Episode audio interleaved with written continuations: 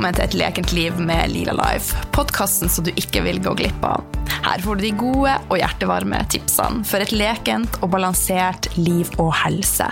Nye tema hver uke. Hormoner, fordøyelse, matglede, sex, selvtillit, eteriske oljer, stress, stressmestring osv. Ja, hva prater vi egentlig ikke om? Noen ganger så har jeg med meg spennende gjester, og av og til så er det meg. Og hvem er jeg? Jeg er Oline, ernæringsterapeut, yogalærer, veileder i eteriske oljer, mamma, livsnyter og har ei brennende interesse for ei naturlig helse.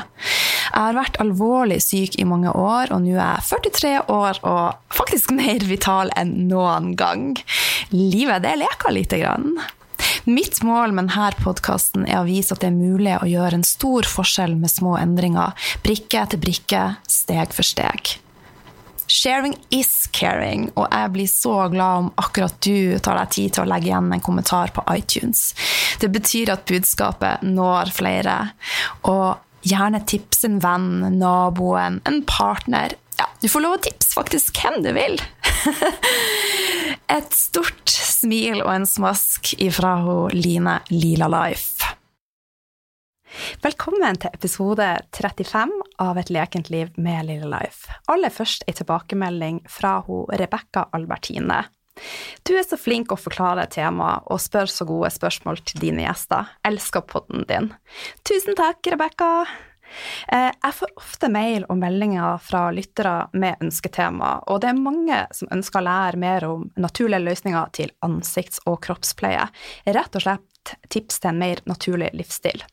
Huden er vårt største organ, og jeg bruker å si at vi er hva vi absorberer, rett og slett for at alt vi smører og sprayer på oss, det går inn i systemet vårt, og dette påvirker oss, og ikke minst hormonbalansen. I dag så har jeg med meg nok en spennende gjest som jeg gleder meg masse til å dele med dere. Hun, eh, hun sleit med atopisk eksem og savna gode hudpleieprodukter. Eh, hun fant ikke det hun ønska på markedet, så hun begynte like godt å eh, lage sine egne produkter. Etter hvert så har det balla på seg, og eh, Marina sine blandinger de ble snakka om. Så hjertelig velkommen, Marina Elisabeth Engervik, gründer av Marina Miracle. Tusen takk. I dag så skal vi snakke om eh, hvorfor det er så viktig at det vi smører på huden, er naturlig. Hvilke ingredienser det kan være lurt å styre unna, og hva bør vi vel? Eh, hvordan leser ingredienser på produkter? Eh, Marinas beste tips til hud og akne. Eh, Marinas beste tips til daglige hudrutiner. Hvordan det vi spiser, påvirker huden. Tips til lagegne produkter, og eventuelt er det lett å lage egne produkter, bør vi heller kjøpe? Eh, hvordan holde huden ung og spenstig? Og tips til små barnekropper. Så Marina, aller først, hvordan starta du dagen din i dag? Ja, um, den starta ganske tidlig. Ja. Vi sto opp klokka seks med dattera mi, og da var det rett i kjøleskapet. Hun har dilla på um, vi kaller det for oljekapsler. Ok. ja, det er et tips jeg kanskje skal nevne litt seinere, men hun er veldig glad i de, da. Så da får hun en sånn en, og så tygger hun i seg den. Og så er det å skifte bleia. så det er liksom sånn dagene mine starter. Men det er veldig koselig. Ja. Men eh, frokost Jeg er jo ernæringsterapeut. Mm. Eh, når spiser du frokost, og hva spiser du til frokost? Du, det er så veldig forskjellig. Men jeg, jeg er sånn typiske som våkner på morgenen, og så er jeg sulten.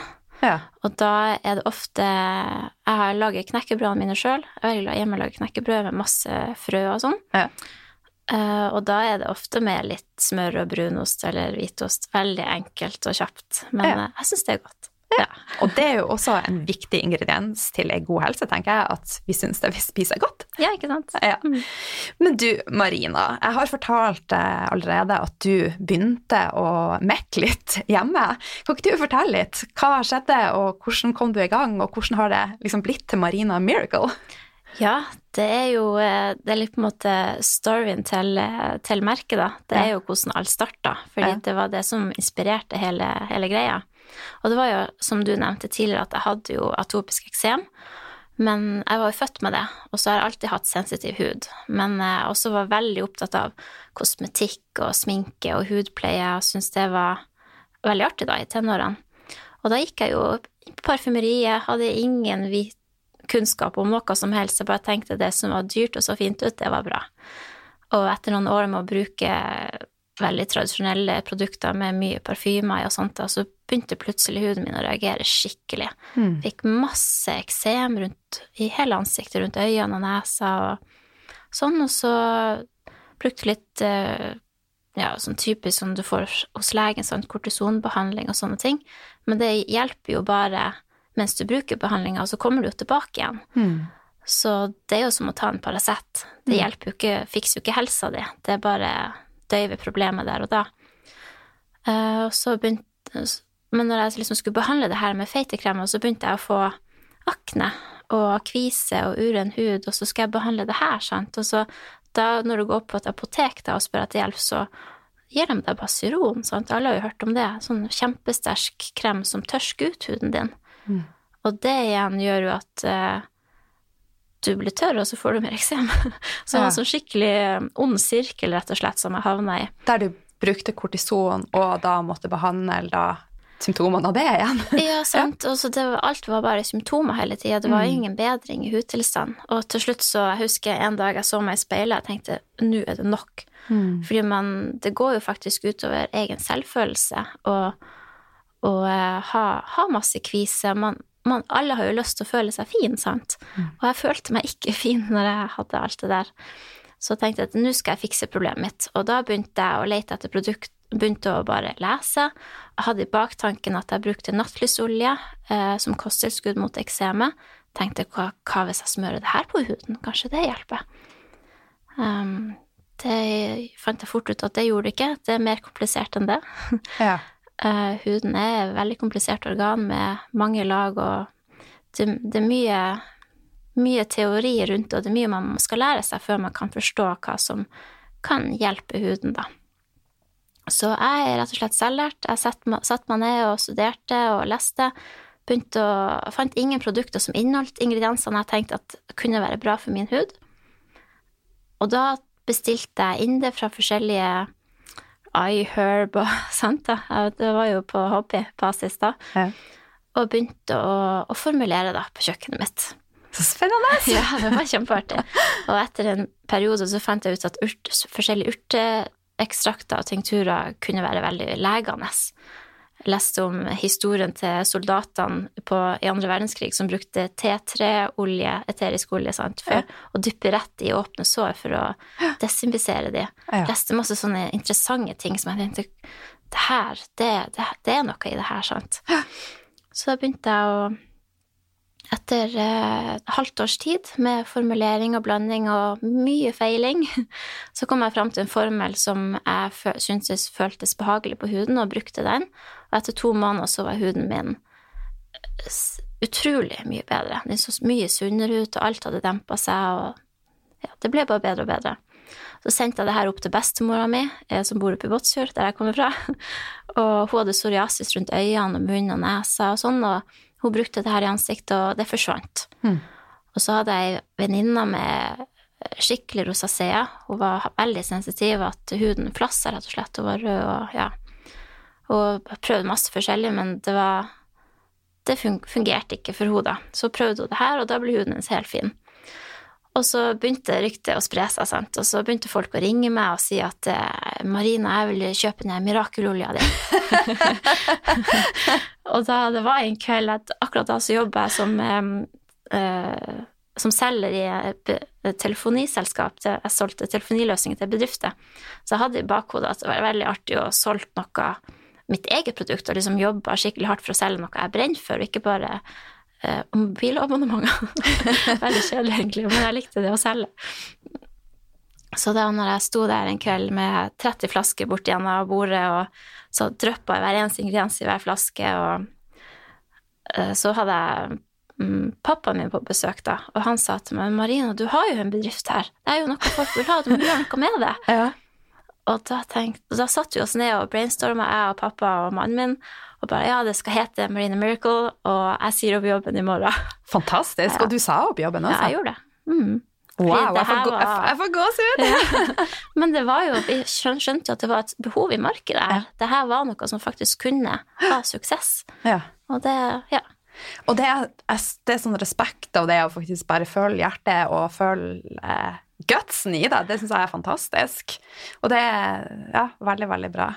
Takk. Så sånn starta Marina Miracle. Yes. Og så har det balla på seg. Vil du fortelle litt om det, da? Ja da, nå er det jo tolv produkter. Planlegger å lansere et nytt nå om et par uker. Eh, mye ligger Mye er i utvikling. Det er masse, masse som skjer. Vi har jo starta opp franchiseløsning, så nå er vi jo i, i seks forskjellige land i Europa. eh, s- som selger kjempebra.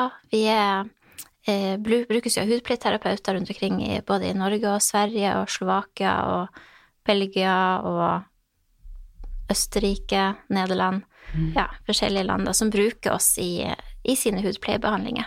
Herlig. Men du, når du da eh, fra starten av valgte ingredienser, hva var viktig for deg? Altså, hva bruker du i produktene dine? Ja, det viktigste fant jeg ut etter hvert som jeg lærte mer og mer, var at det måtte være god kvalitet. Burde aller helst være dyrka økologisk for å holde alt sånt av ja, farlige stoffer borte. For det kommer jo inn i kan komme inn i produktene hvis man bruker spraymidler og sånn, da. Så ikke for å unngå traces av det. Um, så det, det er liksom det å holde det så naturlig og så rent som overhodet mulig.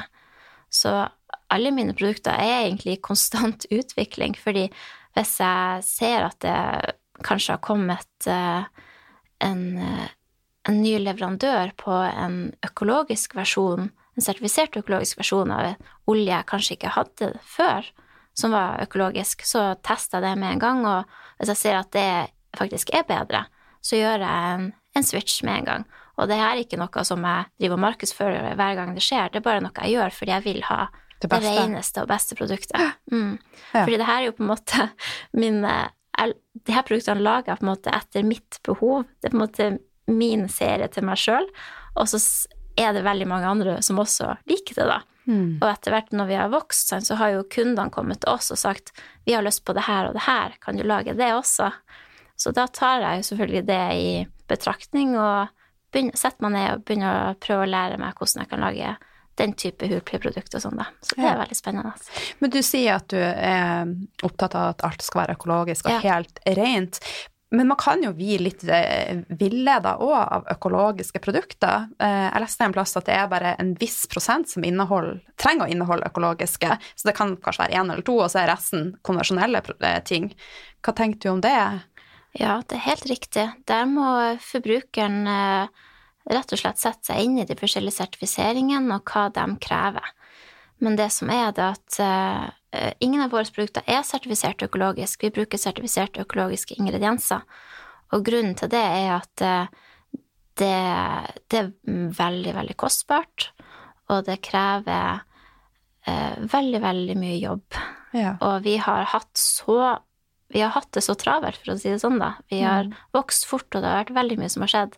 Så det her er noe som ligger i planen vår. Vi har begynt å, å eh, skaffe oss eh, rådgivere rundt dette området, så vi kommer til å bli sertifisert. Vi er absolutt møter alle kravene.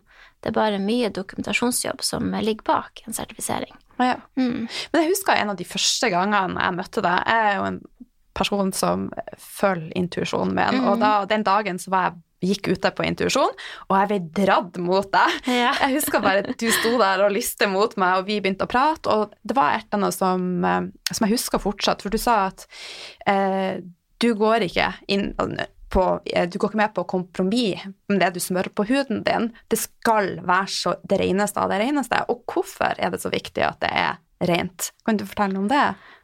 Det er jo kjempeviktig. Altså, for at det skal være effektivt. Det er jo én grunn. At det skal fungere på huden. Altså, det er jo veldig kjedelig å bruke et produkt som ikke gjør noe. Uh, Så det er en ting. Det fungerer bedre. En annen ting er jo at, uh, sånn som du sa i innledningen, at det du smører på huden, kan påvirke deg på en eller annen måte. det, man, vi har jo alle hørt om den kjemikaliecocktailen, ikke sant. Mm. Og hvis du bruker uh, Ja, hvis du bruker noe som har kanskje blitt behandla feil eller kommer fra en leverandør som ikke har vært så opptatt av kvaliteten, så blir på en måte du et offer for det, da, og det går utover din hud. Så jeg er veldig I og med at det her er noe jeg smører på meg sjøl, jeg smører det på familien min, på dattera mi, selvfølgelig det, det er veldig, veldig viktig at det er rent og så naturlig som du kan få det, og alle produktene er jo 100 naturlige. Mm. Så det er jo Og det er jo ikke sånn at vi, når vi kjøper oss, i hvert fall ikke jeg, når jeg går og kjøper meg en, et, et produkt som jeg skal spise, så er det sånn Ja, det er 50% naturlig og 50% ikke naturlig. Ja, da tar jeg det. Nei. Nei. Så det er jo litt det samme. Og Ja. jeg leste at det tar ca. 26 sekunder fra man smører noe på huden, til det faktisk absorberes inn i blod- og lymfesystemet. Så det sirkulerer jo hele kroppen vår og Ja. påvirker alt. Det påvirker alt. Og det som er det at eh, for sånn ti år siden så sa alle at 70% av det du smører på kroppen din, går inn i blodbanen. Men nyere forskning viser at enten så kan 0% gå inn, eller så kan 100% gå inn. Og du vil ikke risikere at 100% av noe skikkelig dårlig skal gå rett inn i blodet ditt. Nei. Så det er fordi alle hudlegene består av forskjellige Og i, um, i det ene hudlaget vårt da, så har vi en spesiell type celle som eh, Hovedjobben til denne cellen er å beskytte eh, kroppen mot eh, mot ting som kommer på huden, og som, som ikke skal få lov å komme inn i kroppen hvis det er farlig. Mm. Men de her blir jo veldig ofte svekka fordi du bombarderer det, ikke sant, så de klarer til slutt ikke å beskytte kroppen din så mye som de egentlig skal. Så det her er også en sånn en ganske kjent sak i hudpleieverdenen, da. Ja, ja. Mm. Men du, hvis vi har da hun Kari, som i dag bruker eh, produkter som hun ikke er fornøyd med, som hun har innsett ikke er helt naturlig, hvordan ende skal hun starte i da? Hva er dine tips til hun Kari? Det første er, som jeg bestandig sier til mine kunder som spør om det, rensen din. Hvordan Ja. vasker du huden din? Det er kjempeviktig å vaske huden på en god måte, fordi eh, hvis du det her, Nå snakker jeg om eh, det å holde huden i, i en balanse, sant. Hvis du, du kan bruke all slags gode produkter som er kjempefine, men hvis du bruker en rens som er altfor hard for huden din, så vil du strippe huden din for de naturlige oljene, du vil ødelegge den lipidbarrieren, og, en, og hvis du da bruker en krem da, som kanskje ikke er helt naturlig, så vil det også kanskje gjøre enda mer ødeleggelse. Så start alltid med en veldig god og naturlig og mild rens. Så det hjelper ikke, det er ikke nok å bare vaske ansiktet med vann? Nei. Nei. Hva bør en rens bestå av, da? Sånn optimalt, Marina? Ja, jeg har jo den optimale rensen. Jeg har prøvd den, er kjempefin. Ja, men det er altså Jeg syns oljerens er det beste, fordi som sagt eh, eh, Hva gjør du hvis du har eh, oljemalt? Hva, hva, hvordan får du vekk denne olja? Jo, du får den vekk med smør, som også er fett. Så fett løser fett. Og det er sånn med huden vår, så, så alt som Det som holder huden vår myk og smidig, da, det er jo fett som huden sjøl produserer. Så det her vil du jo, for å få vaska poren din og få oppløst alt av smuss og sminke, så tar olje liksom tar, tar alt det da og får vaska det godt bort. Og samtidig så vil du også på en måte smøre huden din og ikke ødelegge den her fukt- eller fettbalansen som huden har naturlig. Så det var første skritt, da. Men Ja. da når hun Kari skal velge seg en krem, hva bør hun se etter på For det, ofte så er det jo ei ingrediensliste fra ja, mm. eh, som er uleselig for de fleste forbrukerne. Ja. Hva gjør man da? Jeg, jeg syns at hvis alt på ingredienslista er uleselig, så dropp det. Ja. Fordi eh, hvis et produkt er, har naturlige ingredienser, så er det jo ofte latinske blomsternavn som er lista opp. Sant? Latinsk på planter og blomster og urter og alt det her. Fordi det er liksom det som er krav til innenfor EU å liste opp med de latinske plantenavnene. Så hvis du setter bitte litt inn i hvilke hvilke plantenavn, vanlige ting, da, så kjenner du veldig fort igjen eh, hva, som er, ser, hva som er naturlig. Du ser at det her er, okay, det her er naturlig, det er en plante. Jeg vet kanskje ikke helt hva det er, men jeg ser at det her er en naturlig ingrediens som kanskje er bra. Så kanskje du kan google det latinske navnet, så bare Å ja, Mm. det er solsikke. Ja. Mm. Og så, men en god krem bør også Du sa at det bør være noe fett i det. Ja. Ja. Og det, er det noen spesielle fettkilder som du syns er bra for huden, da? Ja, altså min eh, absolutt favorittolje, som er sånn baseolje, det er jo jojoba, eller hohoba. Ja. Fordi det er den olja som er eh, ligner mest og spiller mest på lag med huden sitt eget eh, sebum og fettstoff. Så den er veldig fin til å bruke uansett hva hudtype du har. ja. Mm. Men ikke bare den, da. Den kan ikke gjøre hele jobben alene, men en veldig fin baseolje. Mm. Men er det noen eh, ting vi absolutt ikke ønsker i et produkt, som vi bør, når vi ser det, bare no, no, styr helt unna? Ja, det er Det har vært veldig mye snakk om MI. Mm. Eh, det står metyl bla, bla, bla.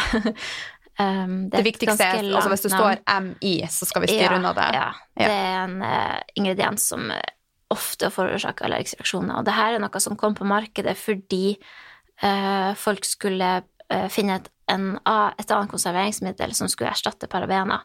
Men det viser seg at den her er mye verre enn parabener. Ja. Mm.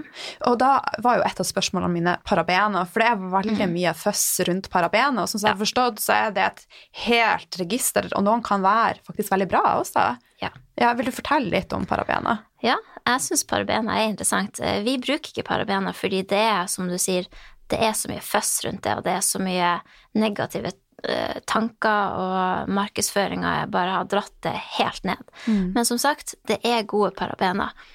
Parabener forekommer naturlig f.eks. i veldig stor mengde i tomater. Så vi, f.eks. for eksempel i ansiktsrensen vår, så bruker vi jo fermentert tomatspire I hva i? i ansiktsrensen vår. Ja. Mm. Og eh, det er jo fordi det faktisk hjelper produktet til å, å, å leve lenger, da, og holde seg godt. Så, eh, og det, parabenene er jo det stoffet som gjør at tomaten, når den ligger på benken, ikke råtner på en dag. Den kan faktisk ligge der, og det holder frukten i orden, da. Det er, det er en naturlig konservering etter frukten, og parabener fins på masse forskjellige måter i Det fins i alle frukter, faktisk. ja. Så det er en sånn ting som man, man tenker ikke over at det er sånne typer stoffer forekommer også naturlig.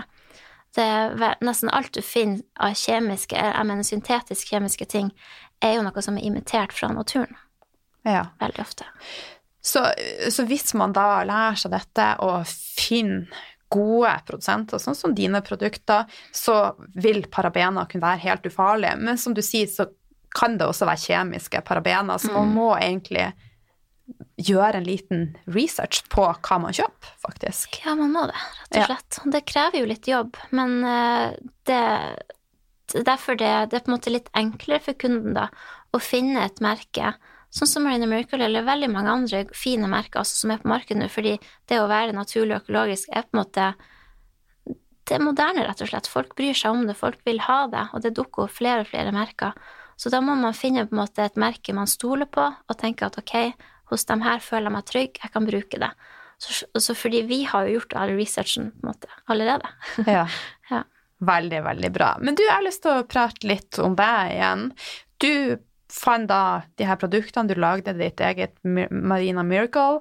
Eh, tok det lang tid da før du merka en forbedring på huden din? Jeg bare tenker for at veldig mange sliter jo med huden. Mm. Ja, det tar eh, For de fleste så tar det et par måneder før de merker bedring. Men allerede så bare første uka så kan du begynne å kjenne at huden din føles mer balansert. Den føles ikke så tørr og stram lenger.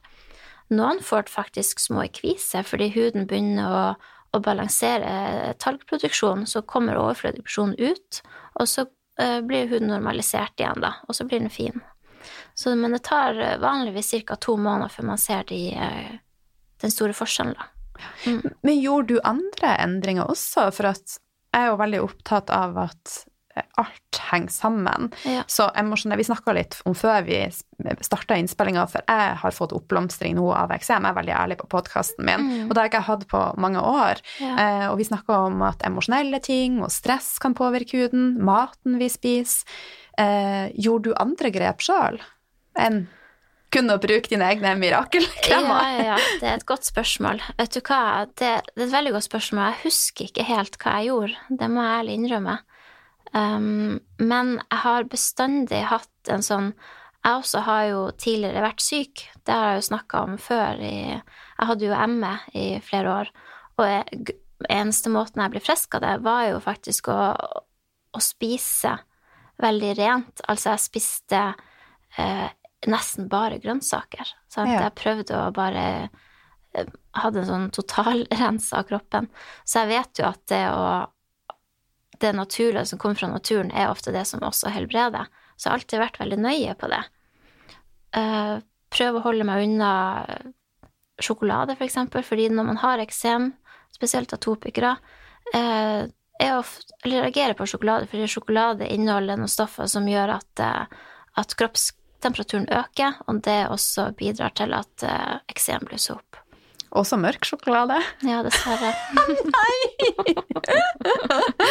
jeg vet, jeg spiste for det. Det var så godt. Men eh, ikke så mye. Det der vil jeg ikke høre. Vi spoler tilbake. Da tipper jeg det samme gjelder rødvin også, da. Ja, det er det flavonidene som gjør det. Ja. Mm. Ok, spoler over det. Nei, men man skal få lov å kose seg. Men sant? det er snakk om overbruk og for ofte og alt det her. En- gang iblant skal ikke ha så stor effekt, håper vi. Nei da. Jeg er veldig fan av 80-20-regelen, men jeg tenker også at i en akutt fase der man, sånn som nå når jeg har fått eksem, så må jeg kanskje være ekstra flink for å klare å ro den, det symptomet. Ja. Ja. Og så er det noe som vi har snakka om, å faktisk gå til årsaken og jobbe litt med det, da. Mm, riktig. Ja. Eh, jeg er jo sjøl kommet i 40-årene, eh, og det er jo ei tid hvor mye endrer seg, og også da huden. Personlig så er jeg opptatt av Jeg har lyst til å elles med stil, men åh, jeg har jo også lyst til å se bra ut. Jo- og det er jo bare en bonus om jeg kan få høre at jeg ser yngre ut. Altså, alle er jo forfengelige. så hva er dine beste tips for å ivareta en hud eh, sånn at den ikke skal eldes? Ja, altså, det er jo sånn dessverre at alle blir gamle, og alle får rønke og alt det der. Og så spiller genene litt inn, noen er litt heldigere enn andre, men til slutt så, så kommer jo de her rønken, sant. Men det som jeg mener, er at rønke er ikke, ikke fint. Det, det som ikke er fint, det er at du har mista At du ser grå og sliten og gusten ut. At du mis, har mista liksom den Den indre gløden. gløden Ja. i huden din. Og det her, det kan du få Det får du tilbake igjen, og du kan eh, øke den veldig ved å bruke gode produkter, da, sånn som ansiktsolje og sånne ting, som er, går litt dypere ned, og som eh, øker eh, fettproduksjonen i huden. Fordi det, det er jo den som gjør at du ser, får rønke og ser grå og gussen. Det er jo det at huden din klarer ikke å, å produsere så mye som den gjorde mens du var ung. Mm. Men vi har jo masse muskulatur i ansiktet også. Eh, er det noe man kan gjøre for å ivareta den? Man bør jo kanskje massere den, eller? Ja, det er Ja. absolutt. Det bruker jeg å tipse, tipse mine kunder om. At, eh, fordi det er jo Du snakker jo mye om eterisk olje. Sant? Jeg også bruker jo eterisk olje i, i ansiktsoljen. Og det her blir jo på en måte som en liten en bitte liten mini-aromamassasje som du kan gjøre daglig. Fordi du eh, smører olja på huden, og så Nå ser jo ikke dere hva jeg holder på med, men, men du kan, kan gjøre en liten eh, ansiktsmassasje på deg sjøl, bare i 20 sekunder. Og det her kan virke kjempeoppstrammende, det kan øke spensten. Det er jo som en liten treningsøkt for eh, ansiktet ditt. Ja. Og det er jo, som jeg også har hørt, så det er viktig å få i gang blodsirkulasjonen, for det vil også gjøre at huden holder seg finere. Ja, og Ja. blodet henter jo ut de her avfallsstoffene som kan ligge rundt omkring, og, og skjøller det ut. Så Ja. det Men har du noe sånn, for det finnes jo mye remedier på markedet, rullere hit og dit. Eh, Er det noe som du vil anbefale, som du sjøl bruker? Ja, eh, på hjemmebane så bruker jeg faktisk sånn, eh, sånn jaderoller. Ja. Og den, den er jeg kjempeglad i. Jeg bruker den når jeg påfører eh, den, den ansiktsmaska som vi har, som fukt, fuktighetsmaske, for å få den til å jobbe enda dypere. Og når du liksom masserer det her inn i huden, så aktiverer du alle ingrediensene også enda mer, og du får det dypere ned, og du får en større effekt. Så det, det er også noe som gjøres mye i selve hudpleiebehandling også. Ja. Mm. Men kollagen er jo også veldig i eh, skuddet. Mm. Eh, hva er dine tanker om kollagen i forhold til hud? Kollagen er kjempeviktig for huden. Det er en av de Det er liksom det proteinet som gjør Når du mangler det i huden, så forårsaker det rynker. Så det har en sånn direkte innvirkning på det å eldes, da. Mm. Så ja, jeg sjøl, jeg, jeg, spiser kollagentilskudd. Jeg er kjempefornøyd med det. Ja. Mm. Så bra. Ja. Men du, eh, mange de liker å lage ting sjøl. Eh, og vi snakka litt også om det, eh, at det ikke nødvendigvis er så lett å klare å lage gode produkter sjøl. Eh, kan du fortelle litt om det, og også fortelle litt om, hvis man nå først skal gjøre det, hva som er lurt å tenke på? Ja. Eh, det er veldig mange som, når de skal lage egne produkter, så lager de Det enkleste å starte med er jo faktisk eh, å blande forskjellige oljer. Fordi det krever ikke eh, emulgatorer, og det krever ikke oppvarming. Hvis du skal lage en balm, eksempel, så bruker du kanskje en Mange bruker bievoks eller en, eh, ja, en annen type plantevoks, da, for å få det her til å bli eh, en balm eller en mm. litt sånn tykk krem.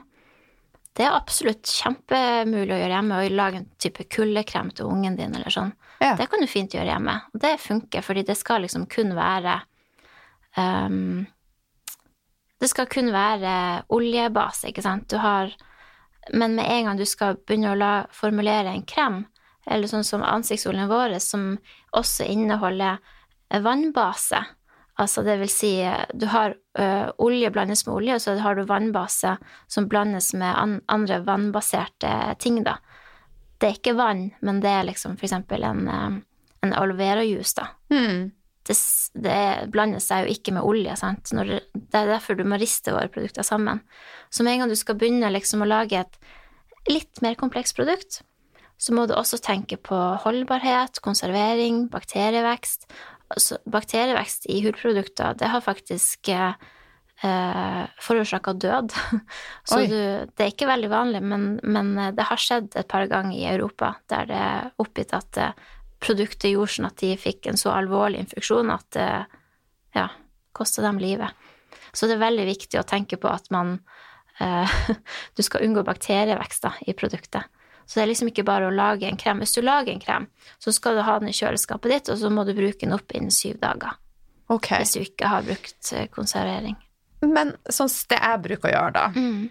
Jeg bruker baseolje som jojoba, mm. eh, nypefreolje, ja. avokadoolje. Mm. Og blander bare de i lag i ja. en sånn glassbeholder, og de står på badet mitt. Vil de også da kunne komme bakterier? Altså det er bare fettløselig?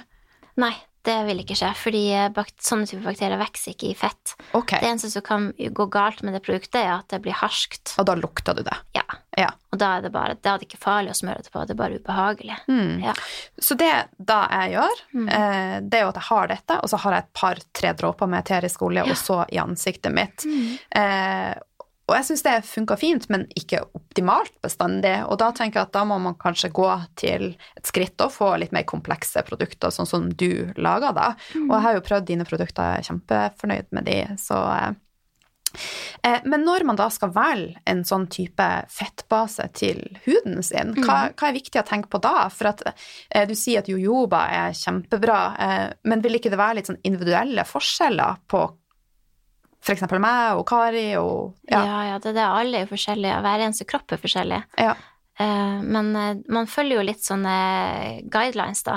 Så hvis du setter deg litt inn i forskjellige vegetabelske olje og hvilken fettsyre det inneholder, så på ansiktshuden da, så er det veldig fint å bruke olje som ikke er for tung, for det tar lang tid før den trekker inn, og det kan føles litt sånn fettete, og det er det jo ingen som liker. Nei. Kokosolje er vel sånn litt typisk litt sånn tung? Så, ja, den er veldig tung. Ja. Avokadoolje også er veldig tung. Inneholder okay. mye fettsyre. Ja. Og, så bare litt av den, da, kanskje? Ja, veldig lite. Ja. Mm. Og eh, bringebærolje det bruker jeg veldig mye, for den er kjempefin mot eh, eksem og rød, altså irritert hud. All sånn type hud som er sensitiv og blir fort røde og kløende og sånn. Det, det jeg mener er den beste olja mot det, da. Men den er veldig tjukk, så du kan ikke bruke den rent på huden. Da tror jeg du får kviseproblemer. Ok. så den må også blandes ut, sant. Ja. Så det er mange veldig fine oljer, men du må vite hvordan du skal blande dem for at de skal uh, trekkes riktig inn i huden, da, og ikke gjøre en på en måte, Ikke skade, men at det bare ikke, ikke fungerer da, sånn som du ville. Mm. Så, så hvis man skal lage sjøl, så må man for det første være litt nysgjerrig, Ja. man må være litt tålmodig. Ja. Ja, og hvis man ikke er det, så finnes det masse gode alternativer. Ja, riktig. Man kan finplante sin egen ansiktsolje, og som kan være veldig fin og funksjonell, men det som, er, det som jeg opplevde da, at etter at jeg eh, kjøper inn store kvantum, Mm. Får en helt annen kvalitet når du har et nært samarbeid med produsenten og leverandøren av de her oljene, sant. Det, det er noe helt annet enn å bare kjøpe noe fra iHerb, da. Ja. Mm. Så du får ofte mye høyere kvalitet på det du, de oljene du kjøper, da. Okay. Enn enn hvis du kjøper det på små flasker i en, en helsekostbutikk, eller ja. Ja. Det har i hvert fall jeg opplevd, at kvaliteten er faktisk ikke helt der, etter min mening, da. Og da både på de fettoljene og også de eteriske oljene, begge delene. Eteriske oljer, det er Der er det litt forskjellig, fordi eteriske oljer er jo eh, Du trenger så forferdelig lite. Så de kan eh, fint selges av eh, De kan du fint kjøpe og få i kjempe, kjempehøy kvalitet. Mm. Det har jeg opplevd. Jeg, fortsatt så bruker jeg den ene T3-olja fra en eh, og kjøper de bare i små eh, 50 ml-flasker, fordi de har ikke større flaske enn det, men Nei. det er liksom den beste som jeg har fått tak i, da. Mm. Så det, der er det jo veldig an på, men jeg mente mer sånne vegetabilske oljer. Ja. Ja. Ja, Mm. skjønner. Men eh, kan man leke seg hjemme sjøl og lage egne masker med, sånn med honning, avokado, kakao? Kan det gå feil, eller? Nei, det syns jeg det er bare artig. Det er bare å kose seg med. Ja. Ja, ja. Hva er dine sånn favorittingredienser da til ei do it yourself ansiktsmaske? ja. Du, det var et godt spørsmål. Det er mange år siden jeg har gjort det sjøl. Kanskje du jo... får litt inspirasjon? da? Nå har jeg på en måte ei ansiktsmaske som jeg er fornøyd med å bruke. Den, eh, ja. Men eh, jeg tenker hvis du skal liksom bruke det som er hjemme i kjøleskapet ditt, så kanskje Det første jeg ville tydd til, er å mose en avokado. Ja. Og så bare mikse den sammen med f.eks. jojobaolje eller noe sånt. Og så kanskje hvis du har en eterisk olje du liker, og ta en dråpe med det. Det tror jeg hadde vært behagelig, for da får du masse, masse fukt i huden, spesielt nå liksom på, på høsten og begynner å bli kaldere, og da er det veldig deilig med en ordentlig fuktmaske. Godt tips. Eh, eh, du sa sjøl at du har vært plaga med eksem, du er også plaga med akne, eh, og en del plages med kvise, akne, irritert hud, og også kommer i den posisjonen at de får arr. Eh, er det noe man kan gjøre med arr? Kan man, man først ha fått arr? Ja, det er faktisk det. Det er mye man kan gjøre. Det er Og det er, det er veldig viktig å rense huden morgen og kveld. Og eh, skrubbe huden. Bruke en god eh, rensende maske én til to ganger i uka. Og også det som jeg har sett eh, god effekt av, da, det er å bruke eh, serum med fruktsyre. Ok. Mm, fordi det, de fruktsyrene, de sånn gradvis over tid, så vil de på en måte i- jevne ut teksturen i huden, og sånn spesielt sånne røde arr eller arr helt i ytterhuden, de, de kan fint forsvinne ved det. Hvis du har litt dypere arr, sånn som jeg, jeg har faktisk eh, to-tre arr fra når jeg hadde vannkopper, som er mye dypere enn det, som er mer som sånne groper, da må det mer Da tror jeg du må til en behandling Ja. hos en hudpleieterapeut. Jeg har lest faktisk litt om sånn eh, Det heter plasmapenn, Ok. som er en eh, det er For et par år siden tror jeg at det kom inn på markedet i Norge, som jeg syns er veldig interessant. Jeg har ikke prøvd det, men det er en sånn type behandling som er helt naturlig. Det lager på en måte et lite uh, lite brannsår, nesten, uh, på området. Og så gjør det sånn at uh, kollagenet og alt sånt i huden samles der, og så etter, etter to-tre behandlinger så skal det da være bedring. Dette er ikke noe jeg har prøvd eller sett sjøl, jeg har bare lest om det og syntes det hørtes interessant ut. Og hva det var det heter? Plasmapenn, Plasmapenn, ja. som er helt naturlig. Så jeg syns det Mm. Tenkte kanskje når jeg blir kjempegammel og får tunge øyelokk, kanskje jeg må ja. kan hjelpe med å løfte opp det, eller sånn. Spennende. Mm. Hm. Det som er så fascinerende med kroppen, er jo at alle cellene er jo i konstant utvikling, og de regenereres. Og, så derfor så var det liksom viktig å få med det her at selv om man har hatt kviser, fått arr, så er det fortsatt håp, og det er, det er alltid håp. Det er det, absolutt. Det er ikke vits å legge seg ned og tenke at uh, hvis man ikke føler seg fin med det, føler seg ikke stygg, men at du liksom mister selvtilliten med arr, så er det mye du kan gjøre, og tiltak du kan ta for å, for å hjelpe på det, at det skal bli mindre synlig. Men i forhold til, Vi har prata litt om kosthold, men har du spesielle tips i forhold til hud og akne og i forhold til det man spiser? Ja, altså Det er jo ganske allment kjent at uh, sukker uh, forårsaker ofte akne. Mm. Å holde seg unna det der sukkeret, da. Ja. Det er jo vanskelig, men det kan ofte hjelpe litt. ja. Eh, men jeg er ikke spesialist på ernæring. Det går mer i hudet, det jeg kan. Men eh, Ja, en, Ja. en personlig erfaring Mm. da var det ting som du opplevde som trigga dine, din akne som ja, det er derfor jeg sier det. Ja. Eh, hvis jeg spiste smågodt, for eksempel, Mm. så, så fikk jeg alltid to-tre nye kviser eh, den neste dag. Ja.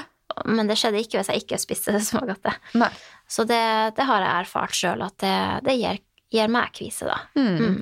Og når det gjelder um, kvise, så er jo det en betennelsesreaksjon i, Ja. i huden vår. Så det samme er jo eksem. Mm. Eh, og sukker er med å trigger betennelse. Ja. Og det samme er jo, vi har jo prata mye om fettsyre, og det var tema i forrige episode på podkasten. Omega-6 i for store mengder er jo også eh, betennelsesfremmende, så det kan jo være lurt å tenke på. Ja, interessant. Ja. Eh, graviditet. Du er blitt eh, mamma, eh, og før du ble mamma, så var du gravid. Det er sant. det kommer vi ikke utenom. Eh, Sjøl når jeg var gravid, altså jeg har jo slitt med spiseforstyrrelser, men når jeg var gravid, så eh, fikk jeg en sånn motivasjon til å ta vare på meg sjøl.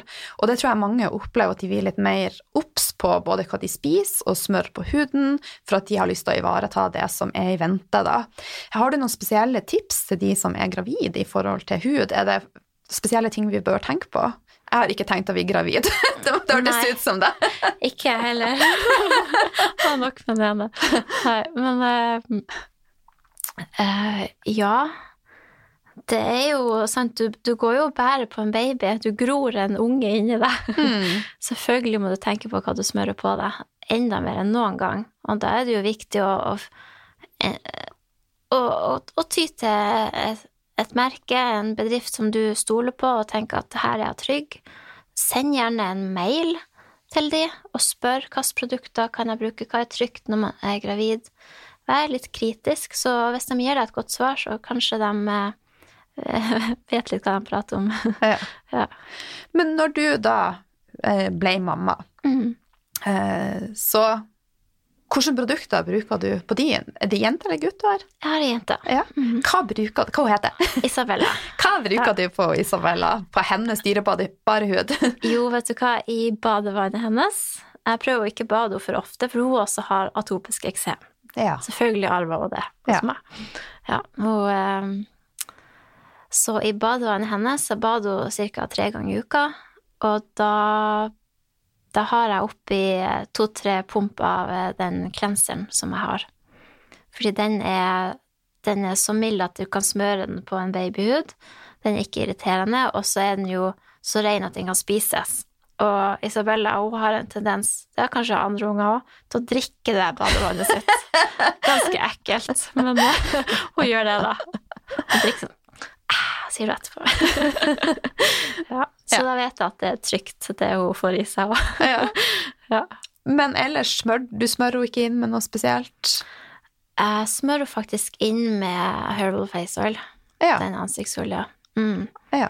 Sånn hver dag, eller Nei, bare etter badet. bare etter bad? Ja. Mm. Fordi da blir hun, liker, hun er veldig glad i å bade, så når hun først bader, så er oppi der og leker helt til vannet blir kaldt, og jeg må ta henne ut. Ja. Da, da blir jo huden tørr, sant, siden du har vært så lenge i vann. Så da, men jeg tar bare kjempelite. Det er liksom snakk om kanskje eh, ti dråper på hele kroppen hennes. Mm. Hun, hun er jo bare ett og et halvt år, da, så hun er ikke så stor ennå. Nei. Men eh, ja, det er mer enn nok. Mm. Eh, du starta med å si at du også fikk noe oljekapsel. Ja. Fortell litt mer om det, da. Mm, ja, det er nattlysolje. Det er en olje som er dokumentert bevist at eh, fungerer veldig bra for dem som har atopisk eksem. For den inn- inneholder denne GLA-fettsyra. Og den fettsyra har De med atopisk eksem har ikke denne fettsyra, som er eh, essensiell for kroppen og huden. Og, Og de produserer den rett og slett ikke? Nei. Nei. Det er rett og slett. Det, det er liksom hovedgrunnen til atopisk eksem. Og noen vokser av seg fordi de sier det kaller ofte for barneeksem, at det blir bedre. Og det er fordi kroppen på en måte balanserer seg, og så begynner den å fungere sånn som den skal. Den har ikke utviklet seg raskt nok, eller sånt da. Mm. Mens noen har det jo hele livet, sånn som jeg har det. Det har bare skjedd aldri for meg at jeg vokste av meg. Så jeg er helt avhengig. Det er medisinen min. Hvis jeg ikke spiser den nattlysolja, så har jeg eksem på hele kroppen etter to uker. Ja. Mm. Så du tar kapsel med det når Ja. du lager sjøl, eller som du kjøper? Jeg kjøper det. Ja, Jeg kjøper den her olja, ja. Mm. Og det kan man kjøpe på helsekost? Mhm. Ja. Ja. En, eh, har du prøvd Udos Choice? Nei, Nei. det har jeg ikke. Nei, men jeg tenker at jeg skal prøve nattlysolje. Ja. Choice, hva Eh, Det er ei fettsyresammensetning mm. mellom omega-3 og 6, da, Ja. som er vegetabilsk. eh, Mm. Så jeg har testa den ut nå den siste måneden, men jeg må si at jeg har ikke merka noe forskjell på min hud. da. Nei. Nei. Mm. Så, men jeg har gjort det én måned, da, og du Ja. sier at du må, må være tålmodig. Så eh, Man må det, Ja. og gjøre en sånn endring. Altså, sånn- hvis, hvis du sitter og hører på det, snakker litt til de som hører på, og har eksem, eller kjenner om, eller ungen din har eksem, så trengs det en overdose av nattlysolje i starten. Hvis du liksom skal bruke det her som en type medisin, da, så er det snakk om kanskje 10-15 kapsler hver dag for å liksom sette i gang den her, at kroppen begynner å forstå at jeg har det og kan bruke det. Mm. Og ikke bare spareblusse det hele tida, men eh, begynne å bruke det for du får masse. Og da, etter en måneds tid, så kan du trappe litt ned, når du begynner å se bedring. Altså, men så må man jo fortsette å spise det, da. Mm. Ja. Ja. Hmm, spennende. Men vil det også eh, gjelde alle med eksem, eller er det kun de med ato atopisk som mangler dette? Det er kun med atopiske. Det Ja. er liksom en egen eh, eksemsykdom, egentlig. Ja, Mm. spennende. Ja. Du, eh, vi begynner å nærme oss eh, slutten. Jeg syns dette har gått som en eh, Det har gått så fort. veldig fort. Eh, men ut fra, fra ditt perspektiv, er det noe jeg har glemt å spørre deg om som du mener er av verdi til lytterne i forhold til hud? Det er en ting som jeg glemte å spørre deg om. Jeg Ja. sa det med min egen hud. Eh, 40-åring. Men så har du de som er litt mer moden. Eh, vi, vi som en moden vin, vi vil bare bedre og bedre. Ja, ja. Eh, ja, 50, 60, 70. Er det andre forhåndsregler, eh, andre ting vi må tenke på når vi eldes og i forhold til hud? Vet du hva, det mitt eh, beste tips, og jeg tror jeg mange er enig med meg om òg, er å tilbringe fukt til huden. Fukt er liksom Fordi det, det er det som gjør at huden ser gammel ut, det er at du ikke har fett og fukt i huden din. Så du må bare tilbringe enda mer. Enda mer feite olje, enda mer feite kremmer. Og ja, smøre deg regelmessig inn med det morgen og kveld. Mm. Det er kjempeviktig. Og kanskje drikke nok vann, og spise ting med vann i, Selvfølgelig. og Det- spise mm. fettsyrer, og ja, Ja. tenk, balanser Og så- to baller. Ja, det er veldig viktig. Selvfølgelig. Jeg så en kjempeinteressant eh, testrapport om det å drikke vann. Mm. Det var ei dame som var Hun var i 40-årene. Det, det var mange, mange testpersoner, men det var spesielt eh, eh, synlig på henne her, da. Uh, og det var om hvordan det var å drikke ett glass vann om dagen kontra 1,5 liter vann om dagen. Så først så drakk hun bare ett et, Man kan fint klare seg på ett glass vann om dagen. Uh, hvis, hvis man også kanskje drikker andre ting, selvfølgelig òg, men hun drakk liksom det minimale. Man trenger i en måneds tid, og så tar hun bilde av ansiktet hennes. Og så drakk hun anbefalt mengde i forhold til hennes kroppsvekt og sånn. Så tar hun bilde av ansiktet hennes. Altså, jeg tuller ikke. Hun ser ti år yngre ut. Mm.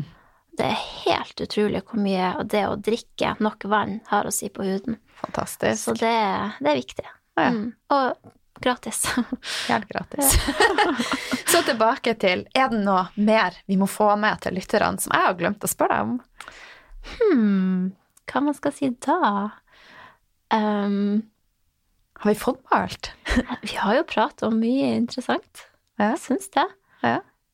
Hvordan, ja. jeg er litt nysgjerrig på, helt på tampen, hvordan dine rutiner er fra du står opp til du legger deg Mm. på huden. Nei, jeg har veldig enkle rutiner, for jeg liker at ting skal gå raskt og enkelt og alt det der. Og derfor flere av produktene våre også er multiprodukter. Jeg kan bruke dem på mange måter. Så jeg starter dagen min med å, å rense huden min, vaske bort det, og så tar jeg på ansiktsolja, og så tar jeg på en krem etterpå. Fordi nå når det er høst, så er huden min ekstra tørr og trenger denne ekstra, ekstra kremen, da. Så det er det jeg gjør hver morgen. Og så tar jeg på litt maskara og fikser litt på de overnappa øyenbrynene mine. så er jeg good to go. Um, og så eh, på kvelden så tar jeg bort eh, maskaraen, og så tar jeg på ansiktsoljen, så går jeg og legger meg. Og da bruker du rensen igjen. Ja. Ja. Så det, det er liksom eh, Til daglig så er det egentlig bare to eller tre eh, produkter. Ja. Mm. Skal vi oppsummere bare sånn kjapt? Ja. Hva skal til for at vi skal få en glødende og spenstig hud? Det er god hudpleie med effektive, rene ingredienser. Altså, og masse fett. Folk bruker for lite fett på huden. Gå, gå i baderomsskapet ditt og se hva er første ingrediens på kremen du bruker. Ofte, sånn som vi prata om i sted, så er det vann. Og vann vil ikke øke gløden din, det vil ikke øke spensten din. Den gjør egentlig ikke så veldig mye, for å si det sånn. Så bruk produkter som, eh, som øker denne fine gløden som alle er ute etter. Mm. Ja. Ja. Hvor kan folk treffe deg, Marina? Så hvis de vil søke deg opp på sosiale medier, butikker Ja, altså hvis du er i Oslo, så har vi et showroom i Nedre Vaskegang 6. Det er rett ved Akerselva. Lett å finne fram der. Så der er det bare å Man må ringe først da for å lage en avtale, for det er ofte så er i podkast med deg, eller ja, på andre plasser. Ja, så må jeg avtale først. Og så er vi jo på Instagram. Vi har mange Instagram-kontoer, for vi er jo internasjonale, så hvis du skal følge meg, da, så er det Marina Miracle Official som jeg bruker. Og så har vi jo Facebook, og så kan du registrere deg på nyhetsbrev på marinamiracle.no hvis du vil få litt eh, Der sender vi jo tilbud og nyheter og alt sånt. Og gode tips til hudpleie og info om ingredienser, hvis man er litt mer spesielt interessert i hudpleie. Ja. Ja. Mm.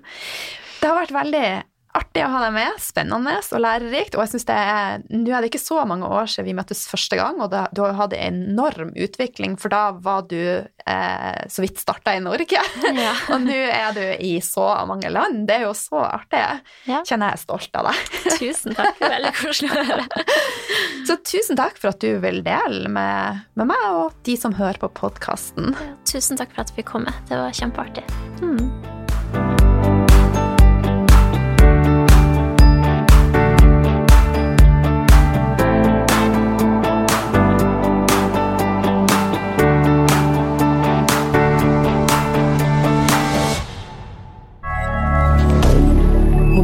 Moderne media.